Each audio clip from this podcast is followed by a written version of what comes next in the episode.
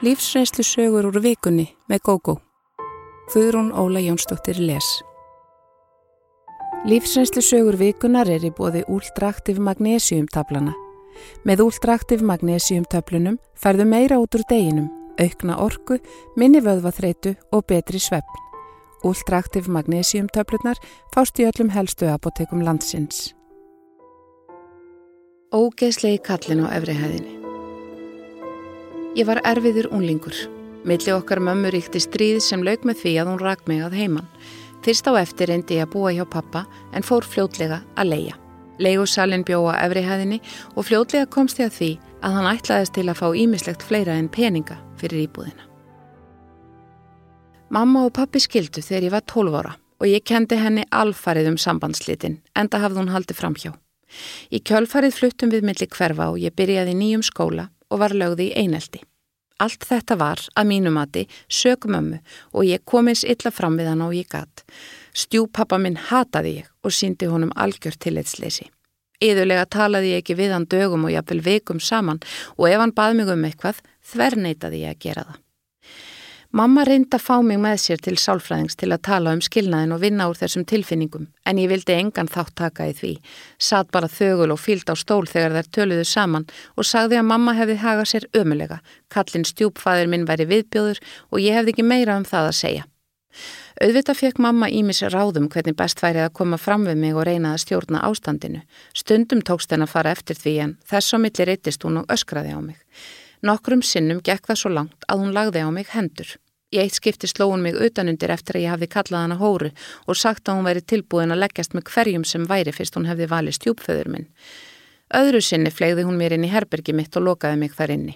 Ég skall utan í hurðarstafin í atganginum og fekk kúlu á ennið.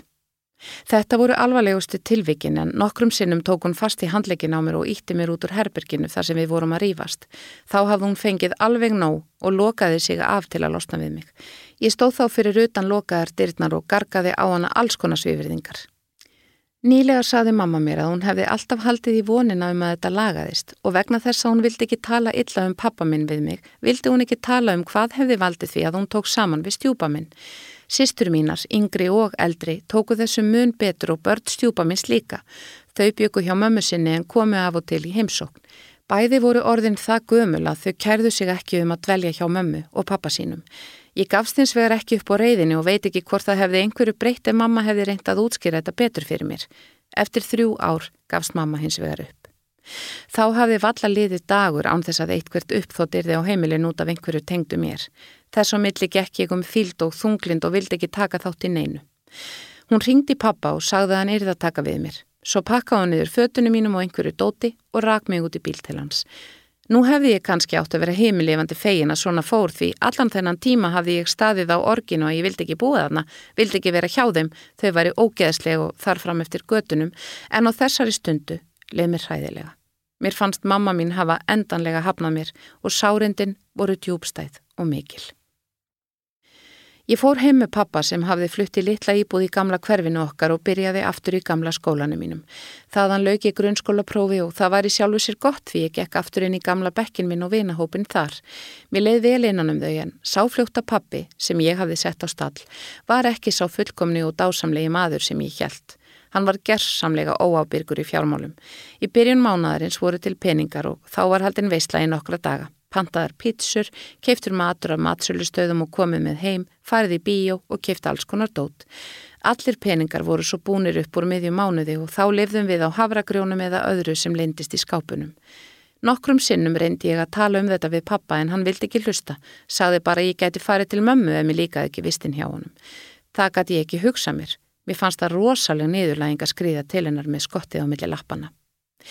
Mart lagaðist svo þegar mér tókst að fá vinnu í búði hverfinu á laugadögum. Ég vann svo í úlingavinnunni sumarið áður en ég fór í mentaskóla og þá sá ég um fyrir mitt litla kaup að alltaf væri til matur. Pappi drakk líka talsvert og þótt ég hefði vilja kenna skilnaðinum um vissi ég innst inni að helgarfyllirín voru ekkert nýtt minnstur. Mamma hafði bara lengt þeim eins mikið og hún gat og við urðum þess vegna ekki eins mikið varar við þau og ég var þarna. Auðvitað sleit mamma ekki sambandi við mig þótt ég væri farin af heimilinu og hún bauð mér ofta að koma til þeirra um helgariða í skólafríum. Ég neytaði alltaf að koma. Mér fannst að fyrst hún hefði reikið mig að heimann skildi ég sannlega sínin að ég geti staðið á eigin fótum og þyrti ekki á henni eða kallinum hennar að halda. En eftir tæplega tveggjara vist hjá pappa gafst ég upp á honum. Ég fann litla íbúð í kjallara, í nágræni við mentaskólan minn og tók hana á leigu. Ég vann í líkamsræktarstöð á kvöldin og um helgar og gatt þannig séð fyrir mig sjálf. Leigan var líka óvenjulega lág og mér fannst ég hafa heiminn höndum tekið að hafa fengið hana. Kallin sem áttana bjó á efrihæðinni og virkaði ósköpvingjarlegur. Ég var ekki búin að búa þarna lengi þegar Kallin kom niður að kvöldi til. Hann bauð mér upp til sín að horfa á sjónvarpið. Ég var alveg grunlaus og vildi koma vel fyrir svo ég saði bara já og fór upp með honum. Þegar þanga kom, rak mig í rókastans. Kallin hafði kveikt á kjertum og held rauðvinni í glös. Á borðinu voru ostar og nú átti greinilega að hafa það kósi. Hann bauð mér að setjast í sófan en ég settist í stól. Hvað eftir annað klappaði hann á sæti við hliðan á sér og bað mig að færa mig til hans en ég neytaði alltaf. Drakk nokkra sopaði víni, þakkaði svo fyrir mig og fóru niður. Næstu daga satan um mig þegar ég var að koma inn. Þvottahúsgangurinn og aðgangurinn að íbúðinni minni voru sameigilegir og þar stóðan. Vildi fá að helsa mér með kossi og þrýsti sér að mér. Ég reyndi fyrst að vera kurtis og ítónum frá mér en þegar það dögði ekki var ég ákveðnari og harðari. Þá var þann reyður og fullirti að ég hefði átt að vita til hvers væri ætlast fyrir leigan var svo lág. Ég tilkynnti þá að ég væri farin. Sama kvöld pakkaði ég saman og flutti heim til ömmu. Hún gætt hins vegar ekki haft mig nema tímabundi svo ég neittist til að ringja í mömmu og spyrja hvort þið mætti koma aftur heim til þeirra. Mamma sagði að ég væri velkomin svo lengi sem við gætum sæst og komið okkur saman. Næstu daga töluðum við vel og rækilega saman. Mamma saði mér að samband hennar og pappa hefði verið orðið mjög slæmt. Hann hjælt fram hjá henn og fyllir í um og í raun voruði búin að ákveða skilja þegar hún kynnti stjúpa mínum. Hann gaf henni hins vegar hugrekki til að taka stökkið og fara. Nú, þegar ég hafði kynst skuggaliðum pappa af eigin raun, var ég líka tilbúnari til að sjá kosti mannsinn sem mamma hafði valið og hann reyndist ekki slæmur þegar upp að staðið. Í dag eru hann og mamma mínir bestu vinir og frábær amma og afi bassins míns. Þögul fyrirlitning Þegar við ruggluðum saman reytum, ég og setni maðurinn minn, höfðum við bæði verið í sárum í nokkur ár eftir makamissi. Börnin mín tvö tóku sambandi okkar vel en ekki er hægt að segja það sama um dóttur mannsins míns. Þegar ég misti mannin minn, skindilega, voru börnin okkar aðeins 5 og 8 ára gömul. Við tóka erfiðu tími en ég reyndi mitt besta til að vera sterk fyrir þau. Það eldra, sonurinn, átti sérlega erfitt en það skildi hann betur hvað hafði gerst. Ég fekk mikinn stuðning frá ættingum mínum sem gerðu líf okkar svo miklu auðveldara. Pappi og mamma buðu mér og börnunum til Kanaríeia um jólin og sýstur mínar, makar þeirra og börn slóist í hópin. Það hafði verið mikil kvíði í gangi í aðdraganda þessara fyrstu jóla án mannsins míns og pappabarnana. Ég segi kannski ekki að jólin úti hafi verið sérlega auðveld en það var samt óskaplega gott fyrir okkur öll að skipta um umhverfi þar sem fátt myndi á íslensku jólin. Tengdafóreldrar mínir höfðu vilja fá okkur norður til sín en ég var löglega afsökuð þar sem búið var að taka ákverðunina um að fara út. Ég er vissum að það hefði orðið afar erfitt þar á æsku heimili mannsins míns þar sem við höfðum varið saman nokkrum hátíðum hjá foreldrum hans og hefði alltaf kosið að fara til útlanda. Þau voru skilringsrík og sögðu að ferðin myndi öruglega gera okkur gott. Við fórum til þeirra næstu jóla og eftir og áttum góðan tíma saman. Rúmum tveimur árum eftir lát mannsins míns kynntist ég Óla í gegnum gamla skólasýstur mína. Óli hafði mist konu sína nokkrum árum áður og þau höfðu eignast saman dóttur sem var orðin tíu ára eða jafngömmil síni mínum. Sorgin saminaði okkur Óla. Í upphafi vorum við bara vinir og töluðum endalust saman í síma á kvöldin. Vináttan diffkaði smám saman og breytist í ást og innan við hálfu ári eftir að við kynntumst flutti ég til Óla. Eftir á að higgja voru það mistök hjá okkur að selja ekki bara báðar íbúðunar og kaupa stærri eða jafnvel hús saman. Ég legði mína íbúð út þegar ég flutti til Óla en álægið við að fá mig og börnin reyndist dóttur hans afar erfitt. Hún hafði stjórnað öllu á heimilinu eftir að mammina dó og fengið allt sem hún vildi. Óli gæti aldrei sagt nei við hana og getur ekki henn. Svo kom ég þannig á heimilið og breytti öllu eða eidilaði allt að hennar mati. Hún var til dæmis afar ósátt við að mig ekki sofa lengur uppi hjá pappa sínum. Óli hafði margóft reynd að fá hana til að sofa í eigin rúmi eða fært hana sofandi þangað en alltaf kom hún aftur. Ímsar breytingar urðu eftir að við fluttum inn, eðlilega. Við keiftum ný rúm, bæði fyrir okkur Óla og einning börnin, einning nýtt sofasett í stofuna. Óli vildi endilega breyta meira til. Smám saman varð heimili sameigilegt heimili okkar Óla og barn okkar. Stjúpdóttir mín var yðurlega höfð með í ráðum til að gera henni breytingarnar auðveldari en hún sneri oftast upp á sig og saðist ekki vilja skipta sér af þessari eðileggingu. Við ákvaðum að við skildum ala börnin upp sameigilega eins og þau væru öll okkar. Þetta þýtti að ég gæti ekki orðið ígildi vinkonu, heldur varð grippan í augum hennar, svo sem sagði nei. Ég held að þetta hafi verið óhjákvæmilegt því Óli gæti ekki neitað hennum neitt og það hefði skapað ímist leiðindi og jafnvel öfund hjá börninu mínum. Þrátt fyrir unganaldur hafði stelpan dýran smekk og fann skaman að vera í merkjafatnaði. Úlpanennar kostaði til dæmis meira en helmingi meira en úlpur barnana minna til samans, svo dæmi sér tekið. Eftir að ég kom til sögunar fekk hún ekki lengur þau född sem hún heimtaði, bara innan skinsamlegra marka og þegar hann að vantaði. Dísæta morgunkotni sem hún var vönað fá beigðin í skáp til helgana og eitthvað hotlara var snætt á virkum dögum. Það var auðvitað erfitt að þurfa að segja svona oft neyfi stjúpdóttur mín á reyna að hafa aga á henni. Hún leita á mig frá upphafi sem keppinaut um hilli föður síns. Óli er ekki veiklindur maður en hann hafði reynd frá andlatu konu sinnar að bæta dótturinn upp móðurmissin með því að reyna að uppfylla allar óskirinnar. Hann áttaði sig ekki á því að hún varði ekki þakklátt, miklu frekar heimtufrek, en hún kunni vel þá lista vefja föður sínum um fingur sér. Ég reyndi mitt besta að nálgast stelpuna, var góð við hana, höfðaði til skinnsemi hennar, reyndi að nota húmor á hana þegar hún fekk frekiköst, en alveg sama hvað ég gerði, ekkert virtist virka. Ég var óvinnur hennar nummer 1, 2 og 3. Bæntanlega hefði hún þurft einstaklega ljúfa og móðurlega stjúpu sem hefði umvafið hana á allanhátt, já, og látið allt eftir henni. Ég er ekki þannig. Ég er meira blátt áfram og nenni engum dramatískum flækjum. Ég vil tala strax um vandamálinn áður en þau verða stóru og óviðráðanleg. Kanski leit hún á það sem að ég væri að rýfast við hana. Hún brást mjög oft illa við ef ég vildi fá eitthvað á reynd. Einhverja hlutavegna náði hún og sonur minn, jafnaldri hennar, vel saman og þau eru enni dag góðir vinir. Hún var kurtisari við mig þegar hann var nærstættur og líka pappinar og flestir aðrir en síndi mér fyrirlitningu og dónaskap þegar við vorum tvær einar. Eftir því sem hún eldist beitti hún meira þögninni á mig og fyrirlitningar augnaráði. Ég var í fyrstu vongóðum að mér tækist að ná vináttu hennar en svo von dvínaði jamt og þjætt. Þrátt fyrir þessa erfileika blómstraði ástin á milli okkar Óla og lífið var eindislegt.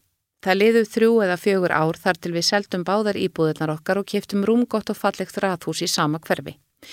Það hittist svo á að við fluttum þegar dóttir Óla var út á landi. Hún hafði fengið vinnu við badnapössun hjá frængusinni í einn mánuð. Líklega þóttinni gott að sleppa við að aðstóða við flutningana en hún var þó búin að pakka öllu niður í herbyrginu sínu. Heilmikið dót var út í bílskur flesti ríkugum ómertum kössum. Ég hafði sjálf fleikt öllu óþarfa dóti eða gefið öllu heldur áður enni flutti til Óla svo ég átti enga kassa í skúrnum. Óli saðist ekki hafa snert kassana í mörg ár svo þar geti ekkert verið sem okkur vantaði. Þeim var því fleikt án þess að kíkt væri ofan í þá sem voru algjör mistök. Við komumst að því nokkru mánuðum setna. Í kössunum hafðu verið ymsi hlutir sem tilherðu mömmunar, handavinna, skarkripir og fatnaður sem Óli hafði pakka niður og svo glimt. Þetta voru hlutir sem dótturinn hefði að sjálfsögðu átt að fá, að minnstakosti ákveða hvað yrði um. Hún sagði pappa sínum að hún hefði fyrir einhverjum árum laumast út í bílskur og handleiki þessa hluti sem voru nánast að eina sem myndi á mömmunar, sagði hún. Hún hafði verið svo vissum að kassarnir færu með okkur á nýja heimilið að henni hefði ekki dottið í huga minnast á það. Hún kendi mér alfarið um þetta og sakaði mig um að vilja afmá allt sem myndi á mömmunar. Þótt Óli segði henn að ég hefði hverki komið nærri, vildi hún ekki hlusta á það. Það var eins og hún vildi fá enn eina ástæðuna til að hatast við mig. Ég skil hana vel að hafa orðið sár. Þetta voru óbætanleg mistök. Í hennar sporum hefði ég líka orðið mjög sár en líklega ekki jafn hatursfull og hún var gagvart mér. Ég ásakaði mig nú samt heil lengi fyrir að hafa ekki gegst í kassana. Ég hjælt satt að segja að þegar konan hans Óla dó hefðan gengið frá dótinu hennars, ekki grunaði mig að hluti af því væri enni kössum. Hann hafði allavega steinglemti. Eftir flutningarna ríkti hálfgert stríðs ástandum hríð en eftir það hef ég frekar mætt þögulli fyrirlitningu sem hefur staðið yfir í rúm 20 ár. Lífið með Óla hefur verið indislegt en hann er mesta gæðablóð sem ég hef kynst. Dóttir hans flutti ungað heiman, eða 16 ára, og heim til kærastan sem nú er maðurinn hennar. Þau eiga tvö börn og mér til mikillar fyrðu hafa ungu hjónin stundum beðið okkur óla um að passa. Þau kalla það að afipassi en vita full vel að Óli gerir ekkert nefn að spilla þeim. Ég sé um allt hitt og líka að spilla þeim. Stelpuskottið hefur engu glimt og ég er reglulega mynda og ég sé ekki æskileg og nærvinu minnar ekki óskað. Eins og til dæmis þá plataðu ólastundum til að koma með sér út að borða og þá er ég ekki velkomin. Ég lætaði ekki svekja mig, ekki lengur og þar sem ég veit hvaða nýtur þess að vera með dóttur sinni hef ég kvartan til að fara. Mér fannst óþægilegt að sitja við háborðið í brúðköpunu hennar vitandi að hún hefði frekar viljað að ég væri heima. Ég sá líka á augnaráði margara gestana, brúðgumanns megin, að hún hefur ekki talað fallega um mig.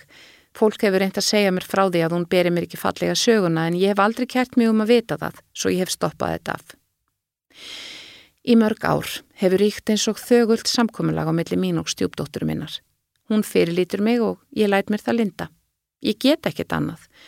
Samt vildi ég gerðnan heyra hennar hlið á málum og vita hvað ég gerðinni, nú þegar hún er orðin fullorðin manniska. Leinihólfið í skrifborðinu Ég hef oft sagt að konundan í fjölskylduminni séu ekkert sérlega hefnar í ástum. Það er að ömmu undantekinni. Hún og Afi hafa átt ásamlegt sambandi yfir 50 ár en mamma, móðursýstur mínar, sýstur mínar og ég höfum allar lendi alls konar uppákomum með allavega karla. Nýlega komst ég þó að því að ekki var allt sem síndist í hjónabandi Afa og ömmu. Mamma var rétt rúmlega tvítug þegar ég fættist. Hún og pappi byggur saman í tæplega fjögur stormasum ár. Pappi minn er að mörguleiti ágætur en hann hefur aldrei geta verið einni konu trúr og honum fylgja alltaf alls konar fjármálaflækjur. Mamma flutti heim til afa og ömmu með mig eftir að þau slitu samvistum og þar ólst ég upp að stórum hluta. Á heimilinu voru auk okkar móðusistur mínar Gulla og Nanna. Einn fyrsta skýra minning mín úr bernsku er þegar Gulla satt í eldursinni hjá ömmu og greitt úr sér augun. Þá hafði Andres, stóra ástinni lífi hennar, sagt henni upp og ákveðið að taka saman við bestu vinkonu hennar. Gulla hefur síðan verið gift, Kalla, en þau skildu vegna drikkjuskapar hans. Hún hefur búið með stjána, en þau skildu vegna þess að í kringum hann var slík og þvílik fjármála óreiða að engin leið var að sjá fram úr því. Gulla hefur verið einleip síðan og ekki á leiði neitt sambandtak, eins og hún segir sjálf. Nanna aftur á móti er enn gift honum Gústa sínum. Hann er hins vegar alkoholisti og hefur farið í fjórar meðferðir og fallið jafnóft. Nanna er enn ekki búin að gefast upp en yðurlega stínur hún að líklega sé best fyrir konur að vera bara einar eins og hún guðla sýstir. Mamma og stjúpuminn tóku saman fyrir 14 árum. Ég var þá 12 ára. Ég bjó hjá þeim í þrjú árin, flutti svo heim til Ava og ömmu og var hjá þeim þar til ég kláraði mentaskólan. Ástæða þess að ég kaus að flytja var einfallega þreita á eilifur yfirildin á heimilinu. Mamma og stjúpi minn hafa ákaflega ólíkar skoðanir á hlutunum og geta bókstaflega ekki setið á sáts höfði. Ég hef oft velt fyrir mér af hverju þau hanga saman. Hann er mjög vanafastur og íhjaldsamur í skoðunum. Mamma mín er hins vegar svo litill bóheim í sér og mikil hugssjónakona. Henni finnst ekkert mála að laga sig að hverju sem er. Ég gæti alltaf komið heim með gesti þegar mér síndist og sjálfsagt að leggja eitt diski viðbót á borðið á matmálstímum. Þetta fannst stjúpa mínum mikil tröflun. Vinkonur mömmu voru vanar að eiga innhlaup hjá henni hvena sem er. Þær komu eða ringdu þegar þær vildu. Stjúpi hataði þetta og mörg þeirra yfirildi voru einmitt um hver frjálslega þær gengu um heimilið þeirra.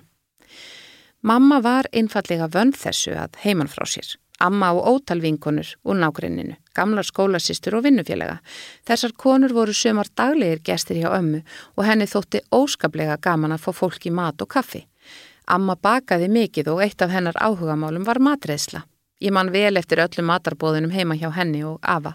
Þau voru í spilaklúpi, Amma í saumaklúpi, svo var ferðaklúpurinn, veiðifélagiðans Ava og fleiri og fleiri. Allt þetta fólk þurfti að hittast og ráða ráðum sínum og oftast var það gert heima hjá Ava og ömmu. Þegar við mamma byggum þar bauð hún heim vinum sínum og þeir voru jafn velkomnir og allir aðrir. Herbergi mitt var líka alltaf fullt af stelpum en það fannst vinkonu mínum alltaf mesta fjörið heima hjá okkur. Þar var líka nóg að borða og sjálfsagt að allir fengi sér það sem þá langaði í. Stjúpa fannst þetta hróðalegt heimilishald og hann sagði ofta að hann skildi ekki af að geta búið í þessari umferðarmistöð. Hann var alin upp við mikla formfestu. Heima hjá honum var ekki talað á matmálstímum. Húsbondin hlustaði á útarsfrettir og annað heimilisfólk borðaði þegjandi. Aldrei var tekið á móti gestum nema þeir ringdu á undan sér og krakkar fengu ekki að koma inn nema á vissum tímum og voru alltaf sendir heim áður en maturinn kom á borðið. Eftir stútenspróf ákvað ég að fara í háskólanám utanlands. Að hluta til var það vegna þess að mér langaði að flytja að heiman, standa á eigin fótum og vissi að það erði erfiðara hér heima en úti. Það yrði svo auðvilt fyrir mig að hlaupa aftur heim til afa og ömmu ef eitthvað yrði mér erfitt. Ég fann skóla og flutti út. Það var frábær einsla svo mörgu leiti og ég lærði ótalmart. Þar lendi ég hins vegar í fyrstu alvarlegu sorginni. Ég kynntist manni frá Suður Ameríku og við urðum mjög ástfangin. Ég held að þarna væri komin ástin í lífi mínu en þarna lærði ég að ást er ekki nóg. Við vorum rosalega ólík og hann var algjörlega ófærum að skilja sum viðhorf mín. Hann þóldi illa sjálfstæði mitt enda alveg upp í landi þar sem konur standa mun verað víi hvað jafnrétti var þar en hér. Hann hafði líka gengið í gegnum ímislegt vegna pólitískra spillingar í heimalandinu. Pappi hans var handtekinn og settur í fangilsi fyrir að láta í ljó skoðanir sem ekki voru þóknanlegar yfirvöldum. Þar dó hann.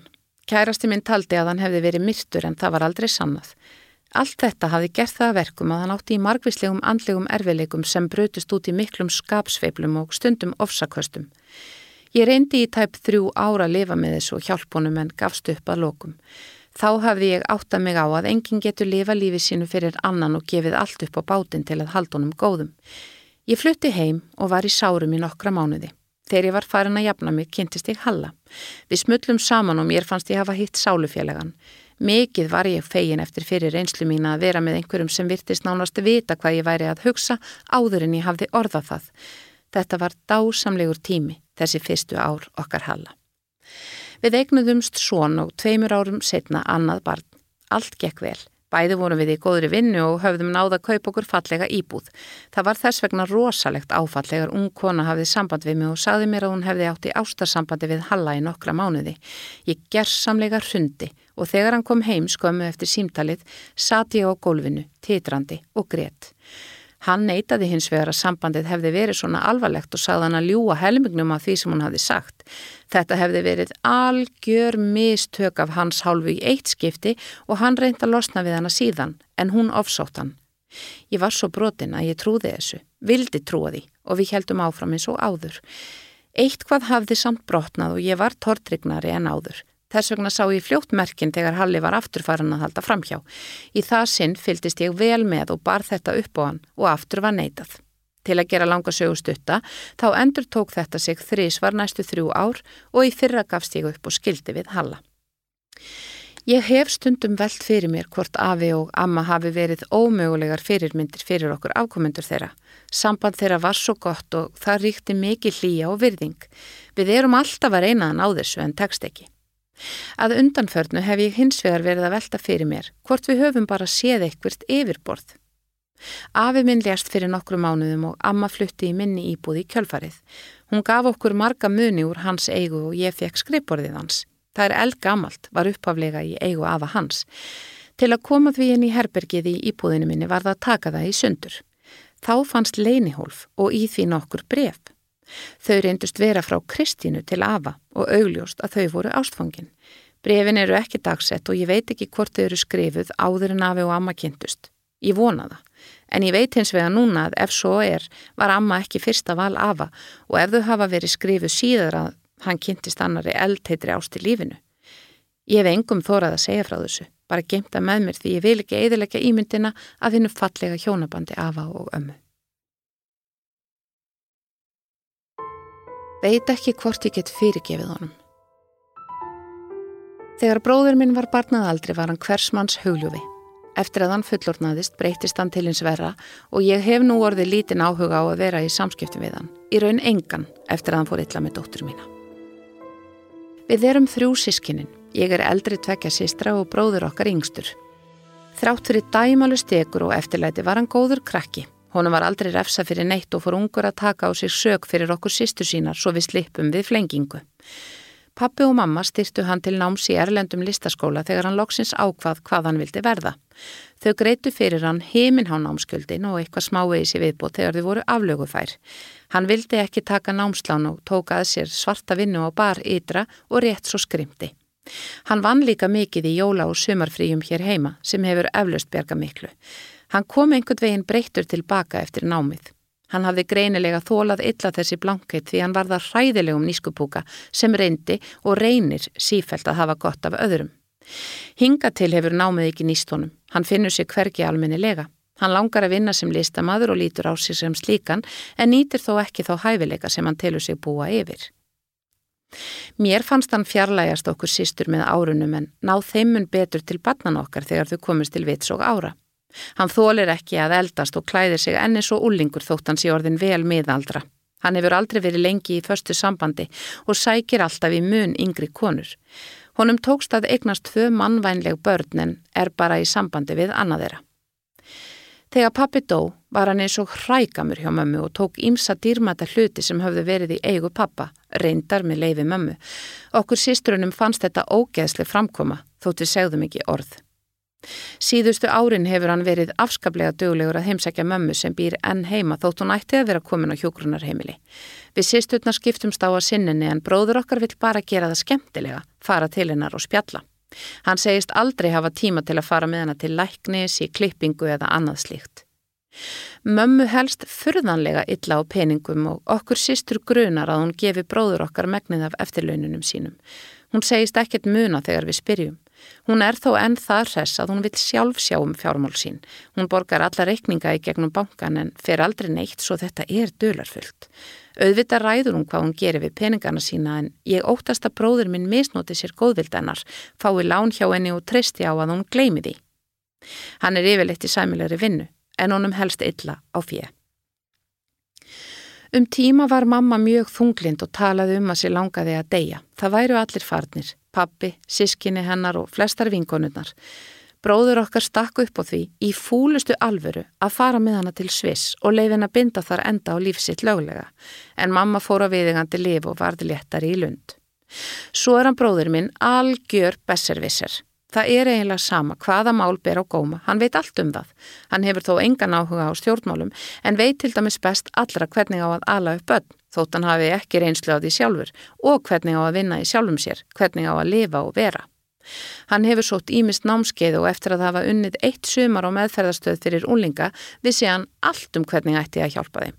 Hann talaði mikið um hversu raungun álkun væri gagvart úlingum, talaði eins og hann hefði meira vita á þessu naðuris.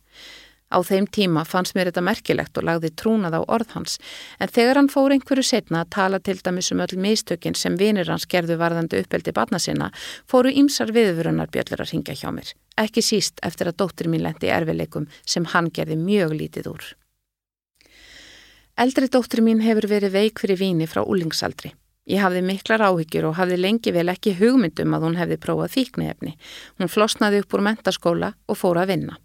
Sem betur fyrr egnaðist hún á þessum tíma frábæra vini sem hafa staði með henni gegnum þygt og þund. Hún snerti ekki lengur á fíknefnum en helt áfram að drekka mikið. Ég vissi ekki hversu slæmt ástandi var fyrir hún sagði mér, 19 ára gömul, að hún ætlaði í meðferð. Þá fekk ég að heyra að hún færi yðurlega í blackout þegar hún drikki. Hún týndi gemsanum, peningum sínum og yfirhöfnum á djamminu og væri hætt að upplifa drikku sem skemmtun, bara þörf. Hún og bróður minn voru góðir vinir og hittust oft. Henni fannst að vísu óþægilegt hversu mikið hann snert hana, hjælt kannski lengi í höndennar og spurði nærgöngulla spurninga um hugsanir hennar, hvernig henni liði í alvöru. Það var ekkit kynferðislegt í gangi. Hann hefur alltaf verið svona og fer ofti yfir mörg annara. Ef fólk vil halda hugsunum sínum fyrir sig, segir hann að það sé yfirborskent. Hann reynir þetta lítið við okkur sísturnar. Við þekkjum hann líklega of vel. Þetta virkar heldur ekki á okkur en ég veit að mörgum finnst hann djúpur og sterkur karakter en það finnst mér ekki. Ég kvatti dóttur mína til að segja honum að henni finnist þetta óþægilegt sem hún gerði og hann má eiga það að hann virti það. Þó finnst mér gæta ósamræmis hjá honum. Hann þólir ekki að láta tala við sig á sama hátt og hann talar við aðra. Hann segist vera hreinskilinn og vilja fá allt upp á borðið. Fólk verði honum þakklátt setna og svo framvegis en er þögullum eigin hag og tilfinningar. Hann hafði neykslast mjög þegar dóttir mín fór í meðferð. Hann sagði að hún væri að hlaupa af sér hodnin, hún ætti ekki við vandamálastriða. Svo mikið hefði reynslan kent honum. Dóttir mín hafði verið án áfengis í fimm ár og byggt upp lífsitt með kærastanum, hafði lokið stútensprófi og fundi sína fjöli í háskóla. Eitt sömari fjallun, öllum að óvörum. Það glatti mig ósegjanlega þegar hún fór í meðferðundir haustið en í nokkrar vikur hafði hún reynt að sannfæra sig og aðra um að hún væri ekki alkoholisti. Mörgum árum eftir þetta, eða núna í vetur, sáð hún mér ástæðana fyrir fallinu. Hún hafði verið í heimsókn hjá bróður mínum og tali borist að drikju hennar þegar hún var yngri. Hann vissi náttúrulega allt um alkoholism eftir starfið á úlingaheimilinu og sagði með sannfæringu Þú ert engin algi. Hún var greinilega eitthvað veik fyrir því hún tóku undir þetta hjá frænda sínum. Hann bætti um betur, sagðist ætla sanna fyrir henni að hún væri ekki algi, bauðin á bar og sagði að hann skildi borga alltaf vín sem hún drikki. Hann sem tímir valla að kaupa vín honni sjálfan sig. Hún vaknaði daginn eftir í sófanum heima hjá honum, gjörsamlega að farast úr timburmönnum og samiskupiti. Bróður minn færðinni bjór sem átti að laga vanliðanina og hún þáði hann þótt hún vissi að þetta væri ekki rétt. Ég get ekki líst því hversu reið og sár ég varð út í bróður minn.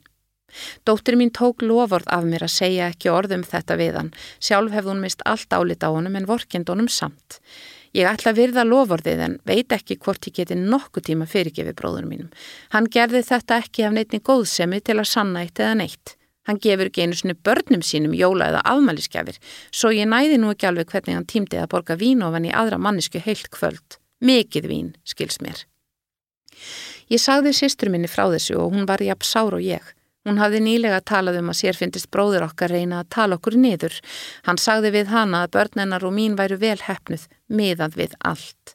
Sýsti mín hló og spurði hvað hann meinti og þá meint hann uppeldið. Við sískinin værum öll svo síkt eftir alkoholisma pappa og meðvirkni mömmu og auðvitað smitaðist það til næstu kynnslóðar. Sýstir mín vissi sennlega ekki hvernig hún ætti að svara þessu. Hún beindi talinu að öðru til að lenda ekki enn einu djúpa samtalinu um barnæsku okkar sem var kannski ekki alltaf auðveld en eftirlæti sem bróðir minn nauti bersku og í raun alla tíð hefur líklega skemmtan meira en nokkur gerir sig grein fyrir. Við sýstur nutum ekki sama allætis en líklega gerði það okkur bara sterkari.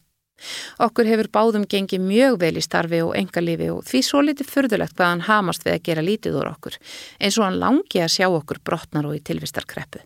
Við sýstur erum hamingjusamar, hann veit það, en segir að það sé bara á yfirborðinu, undir niðri kröymi vannlíðan, við ættum að vinna í okkur eins og hann gerir.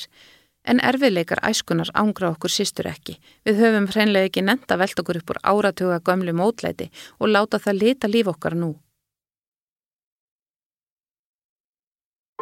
Ókunnleg hljóð um miðjanótt. Fyrir mörgum árum var ég næturverður í fyrirtæki hér í Reykjavík. Ég var í námi á daginn og það hendaði ágætlega að taka fjórar slíkar vaktir í röð og eiga síðan frí í sex daga. Þetta var þægileg vinna og ég gætt lært á nóttunni. En mér var það ekki um sel þegar ég fór að heyra undarleg hljóð í byggingunni og verða var við ímislegt sem ekki verður fyllilega skýrt á jarðbundin hátt.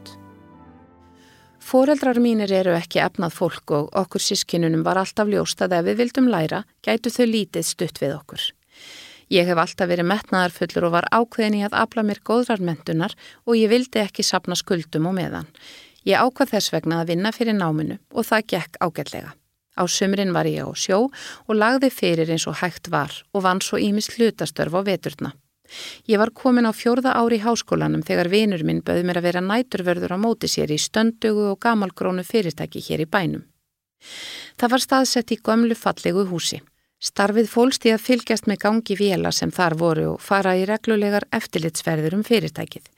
Ég hafði með minn ámspækurnar, las og glósaði og stundum vann ég að skólaverkefnum. Þannig leið tíminn tíðinda lítið en ég hafði strax tekið eftir margvíslegum hljóðum í húsinu þegar ég byrjaði. Ég skrifaði það á vélarnar og að gamlir timburstegar voru milli hæða. Þegar líða tóka veturinn fór mér að finna hljóðin óhugnanlegri og alls ekki af þeirri sortinni að eðlilegt gæti talist.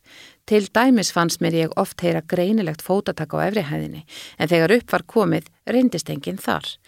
Einu sinni heyrði ég að dyrum var greinilega lokað en ég vissi að ég var einn í húsinu. Eitt sinn fannst mér vatn renna einhver staður og ég fór á stað til að leita.